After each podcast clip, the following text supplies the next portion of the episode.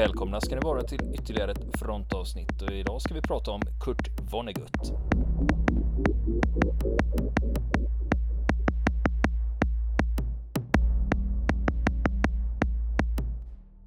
Ja, nu började vi ju snacka förra veckan, Robert, om, eh, om eh, Vonnegut. Vonnegut och eh, hans roman Slakthus 5. Och eh, jag skulle ju sagt det förra veckan att eh, lagt in en liten spoiler alert där om, om det var någon som faktiskt inte hade läst boken men ja, ja, gjort är gjort så att säga eh, med den biten. Men det är ju en viktig bok är det ju som vi sa för den som, den som är intresserad av hur, hur andra världskriget har gestaltats i skönlitteraturen och på film också. Ja, men du nämnde ju det att den var ju stoppad ibland eh, ja, för visst. oanständighet. Alltså med, med dagens mått mätt, hur oanständig är den då?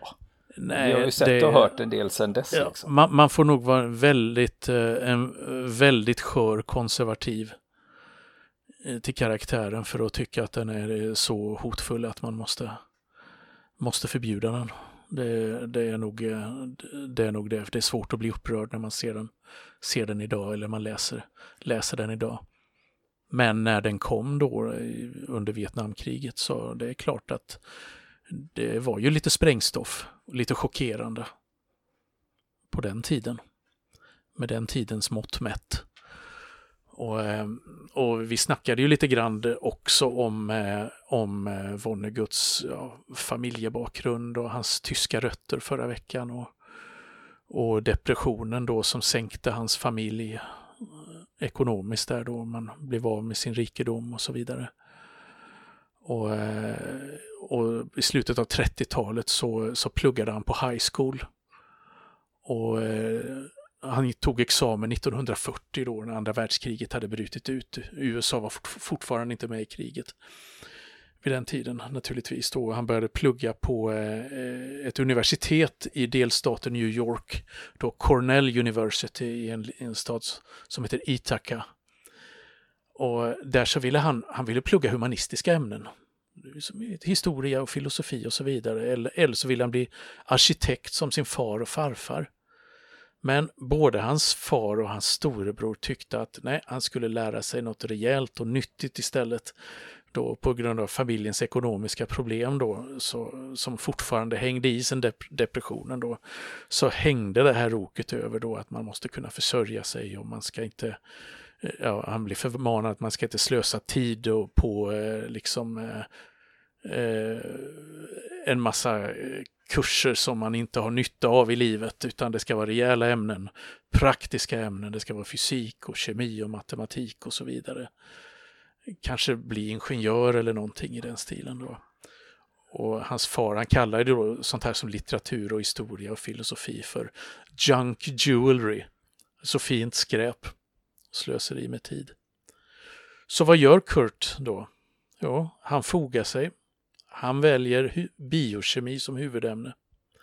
Utan större entusiasm då ska det tilläggas. Men han ägnar sig mest åt eh, studentliv och skrivande. Precis som han hade gjort på high school redan. Så han, eh, han går med i en studentkår, festar mycket och skriver för universitetstidningen. Och eh, det var där han kände sig hemma, på redaktionen för den tidningen. När han var på universitetet. Och eh, där pluggar han då under de följande åren och eh, augusti 41 så händer någonting, en stor sak i hans liv då. Han återser en tjej, en jämnårig tjej som heter Jane Cox, som kommer från samma stad som han själv. Det är en klasskamrat från eh, förskolan, kindergarten alltså, och de första skolåren. Och de ses på en fest och de blir blir eh, kära i varandra och tillbringar tio dagar tillsammans, är inte från varandra en minut innan de är tvungna att åka åt varsitt håll. Då. Han tillbaka till Cornell och hon till ett college i Pennsylvania, en fin privatskola där då som hon studerar på under de följande åren. Och de, de kommer att brevväxla väldigt mycket och träffas sporadiskt då eh, under åren så ofta de kan då. Men det låter ju ändå som mm. det är en häftig förälskelse. Ja, visst. Det här med när de träffas och sen tillbringar tio dygn ja, ihop liksom. Precis. Det låter ju Nej, allvarligt. Precis. Ja, det var det ju. Med, uh, jag tror mer från hans sida än från hennes till att börja med. Men då kommer ju frågan, varför berättar vi detta i en podd som Fronten?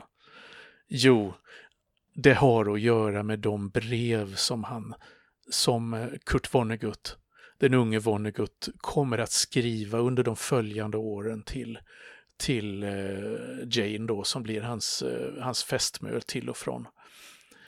Och eh, där han kommer att berätta då om sin, eh, sin militära utbildning och eh, resan ut i kriget och så vidare. Och det här är brev alltså som jag, som jag har sagt tidigare då, som inte har blivit tillgängliga förrän bara för en månad sedan när en ny bok kom ut. Där, eh, där de här breven publicerades då som hade legat, legat eh, bortglömda på en vind. Men är vi första, eh, men då kanske vi har ett litet scoop här då som första svenska ja. media som publicerar Eh, Kort, Kort Vunneguts eh, hemliga kärleksbrev. Ja, det kan man nog säga. Det kan man faktiskt säga. Om man vill vara lite, om man vill vara sån. Så, så kan man göra det. Eh, men då var det ju så här då, som jag sa, han läste ju biokemi och en rad andra sådana rejäla ämnen då enligt sin far. Och det där gick ju inte så bra. Han hade ju liksom inte hjärtat och intresset med sig i, de här, i den här undervisningen då. Så han fick ju, han körde på kurs efter kurs då, han fick underkänt och kemi och sånt där. Det var inte hans grej helt enkelt. Så han tillbringade mesta tiden eh, på tidningen då, universitetstidningen, och med att skriva brev till Jane. För han, är, han är fullständigt besatt av henne och han är, han är frustrerad när hon inte svarar tillräckligt snabbt eller tillräckligt ofta. Och han har varken lust eller fallenhet för, för studierna i de här naturvetenskapliga ämnena. Och samtidigt då så har andra världskriget börjat, och pågår för fullt och i skoltidningen så skriver han en artikel som hyllar pacifismen och som argumenterar mot att USA ska blanda sig i kriget.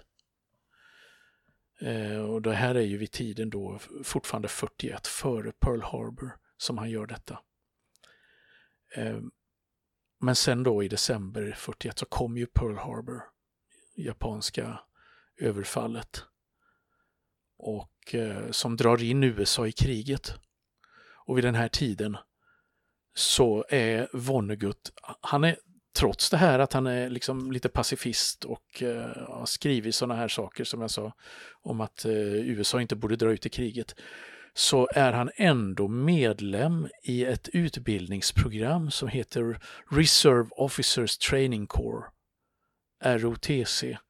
Och det är ett utbildningsprogram som fortfarande existerar idag på amerikanska eh, colleges och eh, universitet eh, för att utbilda officerare till den amerikanska krigsmakten det är slags grundläggande militärutbildning och officersutbildning då som, som man kan liksom samtidigt som du läser på college så, så eh, deltar du regelbundet i övningar under skoltiden och eh, under sommarloven.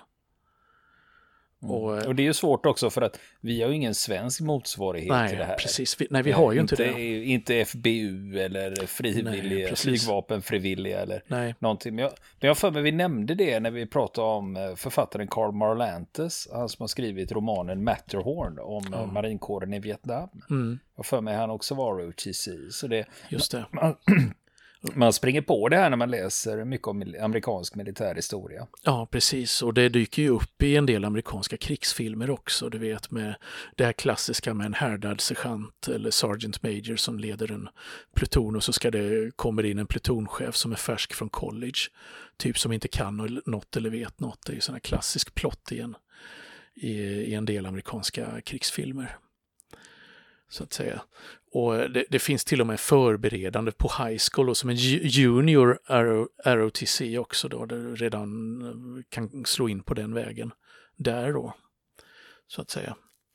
Och, eh, men han förlorar sin plats i det här utbildningsprogrammet Dels på grund av sina usla betyg och studieresultat på universitetet och dels för en satirisk artikel som han har skrivit i skoltidningen då om amerikansk militär. Och han håller på att förlora sin plats på universitetet helt och hållet då på grund av att han är så, uh, så dålig i, uh, i skol, på skolbänken.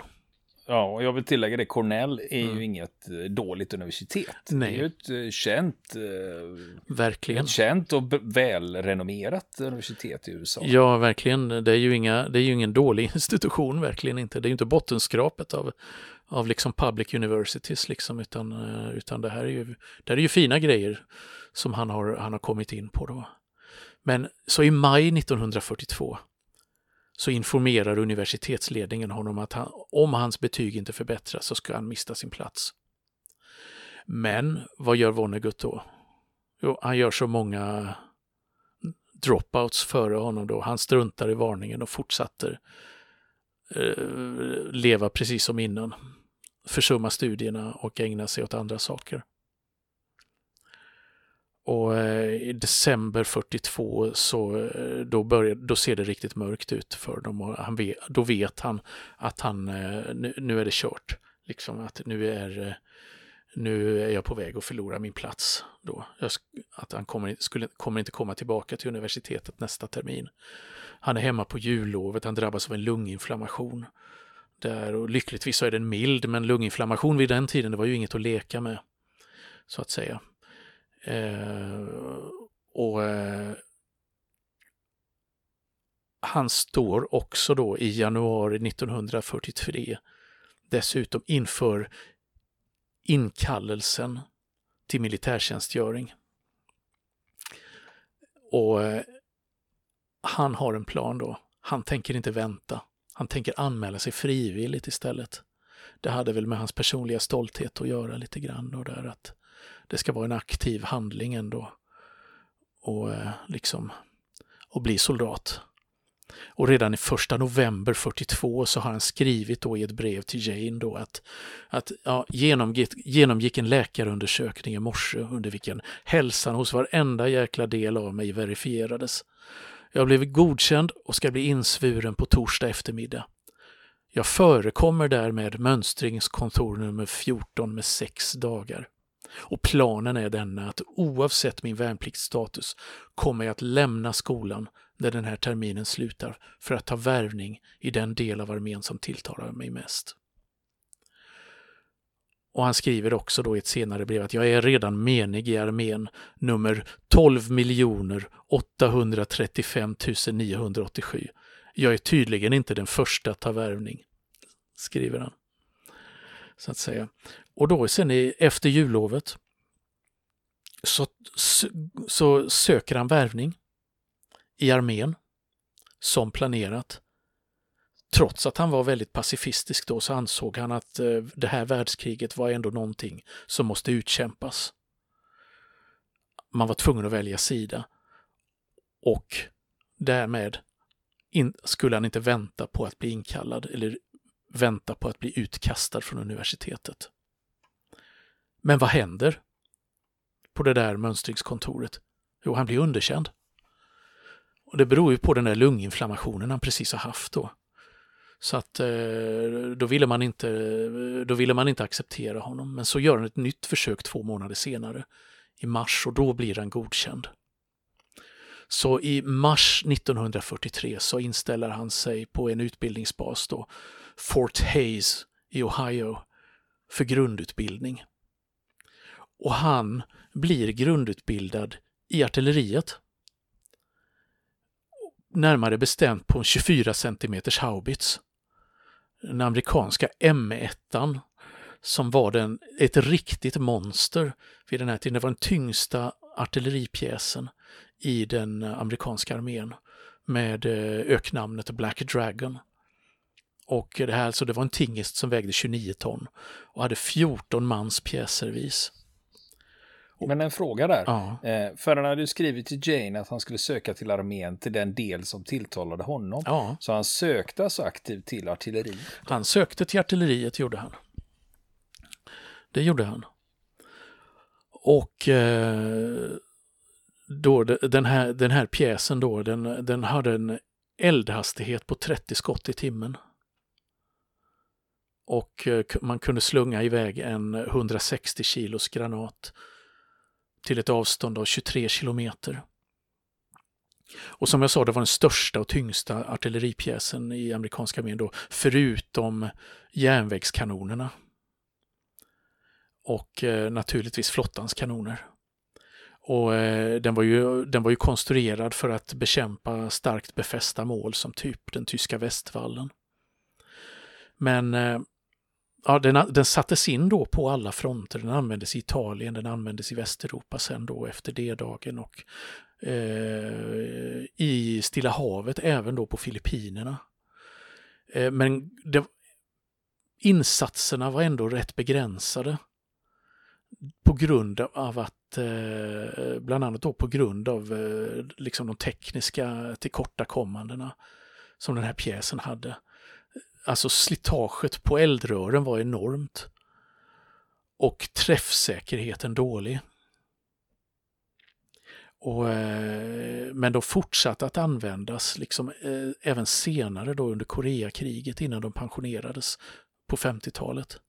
De här pjäserna eh, från amerikanska armén för att eh, de pensionerades när man hade skjutit slut på den sista ammunitionen som man hade i förråden. Då skrotades de. Men det finns faktiskt några exemplar av de här pjäserna kvar i tjänst fast på ett helt annat håll i världen nämligen i Taiwan, där det enligt uppgift fortfarande används som befäst tungt kustartilleri. Ett antal sådana här pjäser, i alla fall tills eh, ganska nyligen. Eh, så, så eh, fanns de där i tjänst. Ehm, det var ju så här, det var så här med Kurt Vonnegut efter kriget då, att han, han pratade sällan om kriget. Eh, även om han skrev ofta, liksom eh, använde kriget som en slags bakgrund i många av sina texter. Då. Men så pra han pratade väldigt sällan om sina egna upplevelser och han deltog aldrig i några veteranmöten. Gjorde han inte. Men det finns faktiskt en intervju som gjordes med honom 1977 där han, där han får väldigt många specifika frågor om just sina egna krigsupplevelser och där han faktiskt väljer att, eh, väljer att eh, prata om det mer eller mindre då. Och det är en sån här fin, jättefin, kan man säga, litterär tidskrift som heter Paris Review då som, eh, ja, i den högre skolan så att säga egentligen då inom ja, det finlitterära. Men eh, eh, och det är nog första gången som den har skrivit om artilleripjäser, den tidningen. Eh, men där i alla fall så berättar han ingående om bland annat om sin utbildning och om kriget. Och han berättar om de här, den här utbildningen till artillerist. Och han, han beskriver, och beskriver den här Black Dragon, då, M1, som den största rörliga fältartilleripjäsen i armén på den tiden. Detta vapen kom i sex delar. Varje del boxerades av en framvältrande Caterpillar-traktor och varje gång vi fick order att avfyra den så måste vi först sätta ihop den. Vi var i praktiken tvungna att uppfinna den. Vi sänkte ner den ena delen ovanpå den andra med hjälp av kranar och domkrafter. Själva granaten, den var på, den hade eh, en kaliber på 24 centimeter, eller som man säger då ordagrant här då 9,5 tums i diameter och den vägde cirka 150 kilo. Och vi byggde en miniatyrjärnväg som gjorde det möjligt att leverera granaten från marken till patronläget som var 8 fot upp i luften. Bakstycket var som en kassaskåpsdörr hos en bank i Peru i Indiana typ, säger han. Och då intervjuaren säger att ja, det, måste, det måste väl varit spännande att avfyra ett sådant vapen. Och när han får den frågan, då kan, han liksom, då kan Vonnegut inte hålla sig, utan då märker man direkt att han blir väldigt satirisk då. Eh, på samma sätt som han är i sina böcker då. Och då, han, då svarar han så här då att, spännande? Ja, egentligen inte. Vi stoppade in granaten där och sedan kastade vi in påsar med långsamt och tålmodigt sprängmedel. Det var som fuktiga hundkex. Vi stängde bakstycket och sedan träffade en hammare en tändhatt som spottade eld mot de fuktiga hundkexen. Tanken var, tror jag, att skapa ånga. Efter ett tag kunde vi höra ljuden av någon, att någonting höll på att koka där inne. Det var ungefär som att laga till en kalkon. Jag tror att vi kunde ha öppnat bakstycket då och då och öst granaten, som man öser flott över en kalkon i ugnen. Men till slut så blev haubitsen alltid rastlös och till sist hävde den sig bakåt på sin rekylmekanism och hostade upp granaten. Och granaten kom utsvävande som en Goodyear-ballong. Om vi hade haft en stege kunde vi ha målat Fuck Hitler på granaten när den lämnade kanonen. Det, jaha, det var det ultimata terrorvapnet, säger intervjuaren då. Ja, om du tänker på det fransk-tyska kriget, svarar Vonnegut. Och det fransk-tyska kriget i 1870-71. Han menar då. Ja. ja. Var, det befäst, var det mycket befästningsstrid och sånt då? Eller? Ja. Eller var det det att tekniken var gammal? Eller? Ja, precis. Alltså det var ju, det var ju en, gammal, en, gammal teknik egentligen då, en stor klumpig eh, monster till kanon liksom. Det var väl det. Han var inte så imponerad, i alla fall inte efter kriget när han skulle, när han skulle skildra det här. Så liksom försöker han förläna det lite, ge det grann lite ett löjets skimmer över den här tiden då. För det händer ju någon, händer någonting där efter bara några månaders grundutbildning. Och det är juni 1943 då. Han har ju ryckt in i mars. Och i juni så ändras hans militära bana tvärt. Och då ska han plötsligt inte bli artillerist längre. För då har han kvalificerat sig för någonting som heter, hette ASTP, Army Specialized Training Program. Och det här är ett utbildningsprogram i amerikanska armén under andra världskriget där man utbildar utbildade tekniska officerare och soldater genom, genom kurser då skickar, skickar tillbaka dem helt enkelt från utbildningsbaserna till college för att gå kurser i ingenjörsvetenskap, mekanik, språk eller medicin eller vad det nu må vara då. Liksom för Men det var ju det som, mm. det hände ju Kissinger också. Jajamän, han gick ju ASTP. Han gick i just det här utbildningsprogrammet. Och det var ju fler kändisar som gjorde detta också. Eh, som kom att gå det här programmet. Bob Dole till exempel, kommer du ihåg honom? Ja, politiker. Jajamän. Han gick också ASTP.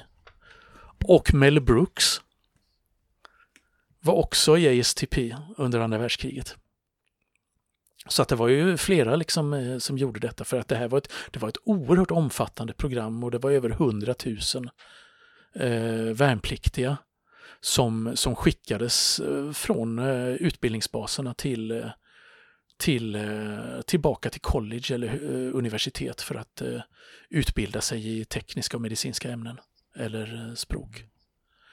Jag hade en annan fundering mm. också och det är det här vad haubitsen heter. Den heter ju M1, ja, M1. Just det. Och det verkar som amerikanerna har en väldigt, väldigt förkärlek för just den beteckningen. Mm. För den finns ju på då M1 Garand och så där M1 Karbinen, då M1 Hjälmen, då ja, M1 eh, Abrams, eh, liksom eh, stridsvagnen. Ja. Så det är liksom, hämta M1, ja, vilken av vilken dem? Av dem? vill du ha kanonen eller vill du ha eh, karbinen? Vill du ha 29 tons haubits eller, ja. eller vill du ha en hjälm? Ja, det kan bli lite missförstånd där, upplagt för sånt. Men då, det har du rätt i, de, är, de verkar börja där, har de en pryl så börjar man på M1 och sen blir det M2 eller och så vidare. Eh, och eh, som sagt, och, och, vad som händer med honom då, med, med Vonnegut, är att han skickas till Carnage Institute of Technology i Pittsburgh i Pennsylvania först då för att studera mekanik. Och själv så trodde han att genom de här studierna i det här programmet då, så skulle han inte bli skickad till Europa för att slåss vid fronten. Och det här var en stor lättnad för hans eh, föräldrar som hade varit väldigt oroliga då för att han skulle skickas ut och kanske stupa i kriget. Och eh, sen då efter en tid då i Pittsburgh så, så eh, förflyttas han till University of Tennessee Knoxville, Tennessee då, där han fortsätter studierna i mekanik. Och där känner, han känner sig väldigt ensam under den här tiden då och på alla hjärtans dag eh, så skriver han till Jane Cox då, eh, fästmön då att ja, jag befinner mig vid University of Tennessee i Knoxville. Om Tennessee skulle försöka utträda ur unionen igen, precis som under inbördeskriget, så tror jag inte att någon skulle hindra dem. Den heliga treenigheten av metodist, baptist och smugglare håller Knoxville torrlagt. Och han berättar livfullt då i det här brevet om hur man kan, kunde få tag bara till öl till fantasipriser om man fick tag viskade i rätt öra på eh, i rätt servitörs öra på ett av stadens hotell. Eh, och eh, han påstod då lite att det skulle kosta 70 dollar per glas då på Farragut hotell. Eh, ett glas öl. Och det var ju en eh, gigantisk summa på den tiden. Och 3 mars 43 så skriver han också då från, eh, från eh, Knoxville till Jane då att ja, jag ska tillbaka till Fort Hayes om tio dagar. Och då kan både du och armén bilda sig en uppfattning om mig. Jag är beredd på det värsta. Det kan vara så att jag blir tvungen att dölja ansiktet när jag om tio år eller så får frågan Pappa, vad gjorde du under kriget? Ett alternativ skulle kanske vara att bilda familj på ett annat ställe än Indianapolis och ljuga utav bara helvete. Men jag kanske blir godkänd den här gången. Eh, skriver han då. Så han var lite orolig för sin framtid där, liksom om han skulle ha klarat studierna den här gången.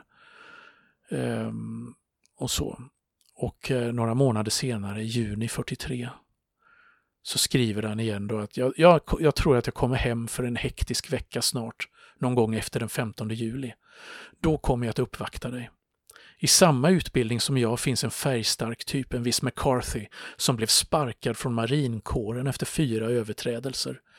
Enligt honom är vår grundutbildning lätt lika tuff som den som han genomgick som marinkårssoldat.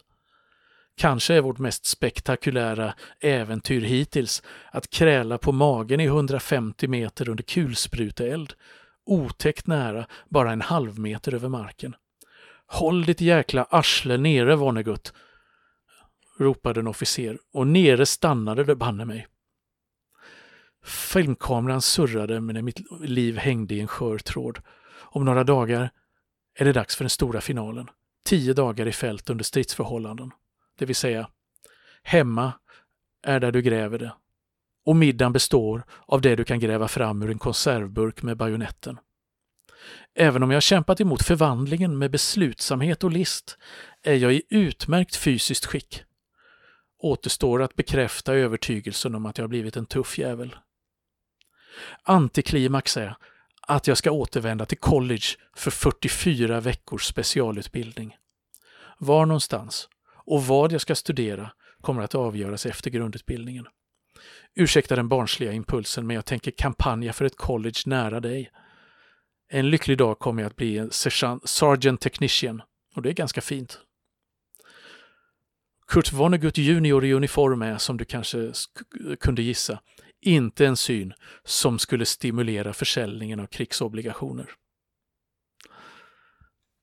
Ja, han har en hel del självdistans kan man säga redan på den tiden i, i, sina, i det han skriver. Men det är ändå fantastiskt, man får en ögonblicksbild av hur det här livet är. Ja, precis, precis. För han vet ju inte vad han har framför sig, han har ju ingen aning. Det här är ju liksom en, det är som du säger en ögonblicksbild. Och det här ESTP-programmet det pågår då över vintern 43-44 för fullt. Och eh, vid den tidpunkten så är det 145 000 studerande soldater på en bra bit över 220 college. Men i april 1944 så händer något. Då sker drastiska nedskärningar av det här utbildningsprogrammet. Över en natt i princip eftersom det akut behövdes soldater inför D-dagen. Så de här 145 000 soldaterna skärs ner raskt till 35 000 i ett svep. Och resten skickas tillbaka till armén. Och i en av sina sista böcker som Vonnegut skrev i början av 90-talet så skrev han då att jag blev utslängd från college igen när armén behövde infanterister och ännu fler infanterister när invasionen av Europa var nära förestående. Och det är, en, det, är, det är en bok som heter Fates Worse than Death som han, som han nämner detta. Nu kommer ju Vonnegut att eh, lämna skolan, skolbänken, för den här gången. För att bli soldat, infanterisoldat på heltid. Och utbildas i enlighet därmed vid en infanteridivision som snart ska skickas över till Europa. Och eh, snart, ja, nu blev det inte så mycket krutrök i det här avsnittet, men det kommer mera framöver. Gör det. Det, kom, det kommer eh, när, vi, när vi når Europa i eh, nästa avsnitt. Och, eh, så att där lämnar vi Fonnegut för den här gången. Och, men jag ska helt orelaterat till det här bara vilja kasta in ett litet filmtips om en helt annan sak. För det var, det, det var en, en dokumentärfilm i tre delar. Varav de första två har publicerats som förstörde min nattsömn härom veckan. Eller häromdagen menar jag. Låter allvarligt. Ja, fast det är angenäma bekymmer om man är intresserad av sånt här. Och det är, det är en eh, dokumentärfilm från Ukraina om konflikten i eh, Donbass-regionen. Och den är helt nyutkommen. Den, är, den eh, kom ut för en månad sedan ungefär och har översatts till engelska eh, med engelsk eh, kommentator. Och den he, den, I den så följer man den 93 mekaniserade brigaden på den ukrainska sidan i striderna mot separatister och ryska trupper i östra Ukraina från 2014, 2015 och framåt och just vid flera av de här eh, hotspotsen då som har förekommit i nyhetsrubrikerna som flygplatsen vid Donetsk och eh, eh, platser som Ilovjansk med mera, med mera. Och eh, man får följa dem i princip dag för dag, vecka för vecka. Och det, den här, den här eh, Dokumentären består av eh, intervjuer med veteraner varvat med eh, och kompletterat med filmklipp, eh, ofta mobilfilmat, från eh, frontlinjen vid de aktuella tidpunkterna. Och den är väldigt väl hopkommen skulle jag säga. Och den är inte speciellt propagandistisk. Man, man, måste ju påminna sig att det här är ju fortfarande en konflikt som pågår. Och mycket av det, jag skulle säga det mesta som har kommit ut från den konflikten i form av eh, nyhets... Eh, alltså, alltså som ligger och skvalpar över på Youtube exempelvis då. Eh, I form av eh, reportage från bägge sidor och så vidare. Det vet man ju inte vad man ska tro om. Eftersom väldigt mycket är propaganda och man eh, ger eh, kanske inte en så rättvisande bild av vad som pågår. Men jag kan säga att den är eh, det, naturligtvis finns, eh, får man vara på sin vakt när man ser den här dokumentären också mot att den, den har, ten, kan vara tendentiös. Men den är ändå, ska jag säga, förvånansvärt befriad från detta och man följer eh, liksom frontsoldaternas öden vid mitt i stridens hetta. Och liksom den tuffa vardagen vid fronten liksom. Ja. Så man får följa en modern mekaniserad brigad här då? Ja, eller precis. bataljon? Vilket, ja, precis. Vilken storlek eh, mekaniserad brigad. Eh, mm. Och när de helt enkelt mals ner, mals sönder och samman. I, eh, och det till slut inte är speciellt många kvar helt enkelt. Och när, när, när man eh, ska vi, eh, som till exempel vid ett kritiskt tillfälle ska försvara hela den här viktiga liksom, stödjepunkten vid, eh, vid Donetsk flygplats då, som är oerhört prestigefylld att hålla då. Eh, för att den har kostat mycket blod också. Och eh, man har bara eh, några dussin man kvar och ingen ammunition, men det vet inte fienden. Liksom, hur, hur, liksom, hur otroligt eh, liksom, eh, mycket som hänger på en skör tråd hela tiden. Om man vill ha tag på den här, hur hittar man den då? Den hittar man väldigt enkelt på för att den är, den är publicerad på Youtube. Och som man söker på 93 med siffror då, 93, The Battle for Ukraine, så ligger de två första delarna publicerade. Eh, den tredje ska enligt, eh, enligt film, eh, filmarna vara under produktion just nu. Så att den har inte kommit ut igen, för av den finns det bara en trailer än så länge. Jag har inte verifierat för egen del avsändaren, ska jag understryka, av de här, men, men, det, men det jag har sett är ändå imponerande dokumentärmässigt. Ja, men, det, mm. men det jag sa, när du säger mekaniserade, det är typ pansarskyttefordon ja, som det handlar om då? Det är pansarskytte och det är stridsvagnar, men det är också, och eh, ja, det är så det är. Och så att det, den, den kan vi kasta in som en litet tips i leken. Förstöra fler eh, av våra lyssnares eh, nät, nätter kanske framöver. Ja, Ja, men det mm. var eh, bra tips. Jag blev ju superintresserad med en gång. Mm. Jag gillar ju mm. moderna mm. krigsskildringar ja. och det vi har sett, det jag har sett mycket av det är ju Irak och Afghanistan. Eh, mm. Så, men det är också intressant att se om det är välproducerat ja. och, och inte för propagandistiskt även från andra Nej, precis. konflikter. spännande. precis, tendensiöst är det naturligtvis till ukrainsk fördel, det, det, kommer man inte ifrån.